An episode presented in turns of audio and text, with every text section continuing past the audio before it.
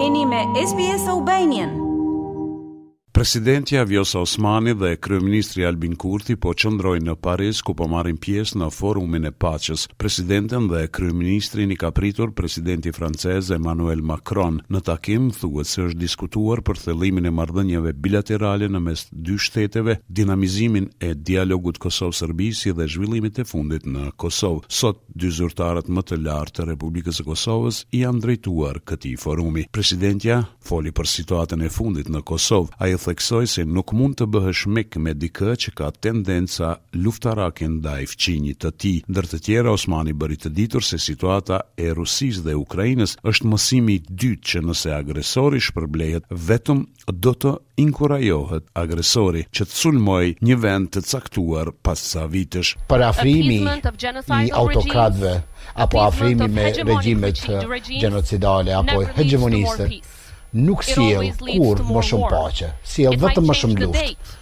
mund të ndërrojë datën, por inkurajon luftën. Arsyeja pse po e përmend këtë është që në vitet e nëntëdhjeta disa e shihnin Millosheviçin si paqebërës. Po e dimë rezultatin. Rezultati ishte 150.000 njerëz të vrarë të pafajshëm në luftërat e Jugosllavisë. Ndërkaq kryeministri Albin Kurti, derisa i është drejtuar Forumit të Paqes në Paris, tha se Kosova ka filluar normalizimin e marrëdhënieve me Serbinë, por ai theksoi se Serbia duhet të distancohet nga e kaluara dhe e tashmja. Sipas kreut qeveritar, Serbia ka dështuar në demokratizimin e vet dhe kërkon më shumë konflikt se sa bashkëpunim. Kosova kërkon marrëdhënie fqinjësore të mira me Serbinë fqinje, dhe jemi gati të zgjasim dorën për një vend që ka kryer gjenocid ndaj vendit tonë, nëse ata janë gati t'i çlirojnë grushtat e tyre. Ajo që nuk ofrojmë më është koncesione për të, për të ndarë vendin tonë në vija etnike. E ndërkohë kryeministri Albin Kurti është takuar me përfaqësuesin e lartë të Bashkimit Evropian, Josep Borrell në Paris. Në takim është diskutuar edhe për planin franko-gjerman për të cilin Kurti ka thënë se është bazë e mirë për diskutime të mëtejshme. Deputetët e Listës Serbe i kanë dorëzuar tashmë mandatet në Kuvendin e Kosovës. Kryeparlamentari Glauk Konjufca ka thënë se nuk ka asnjë krizë kushtetuese ndërsa ka shtuar se ligji sqaron rastin e dorëheqjeve të deputetëve. Sipas tij, Kuvendi tashmë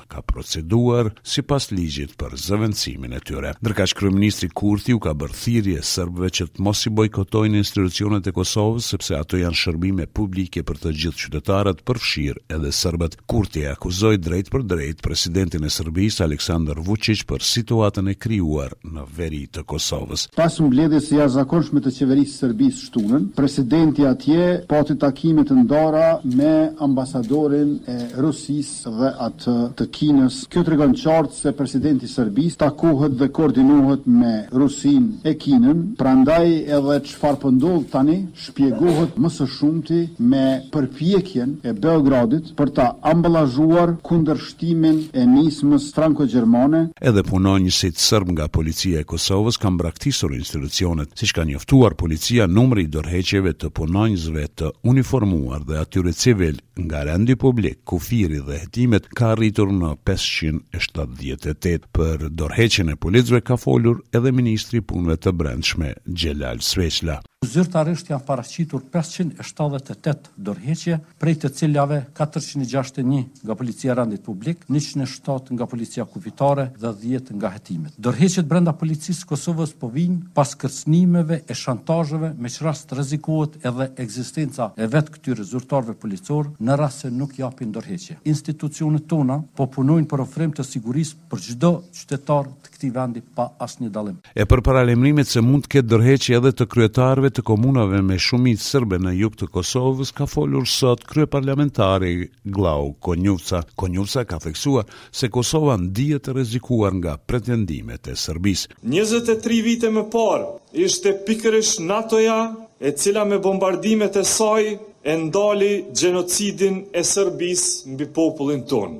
Ne nuk jemi shtet që kemi pretendime territoriale. Ne jemi republikë demokratike.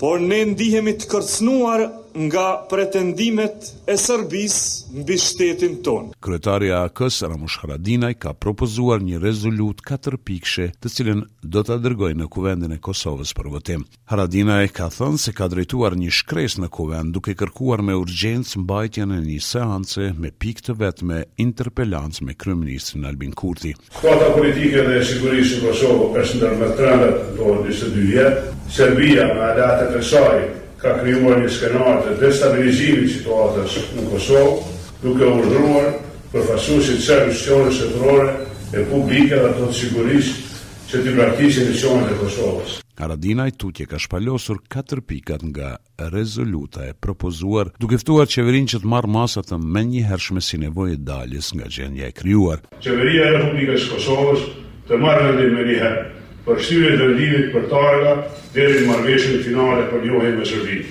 Institucionet e Kosovës të fillojnë dialogun intensiv me serbët e Kosovës për t'u kthyer në institucionet e Kosovës, Qeveria të nisë komunikimin intensiv me faktorët më relevantë në vend.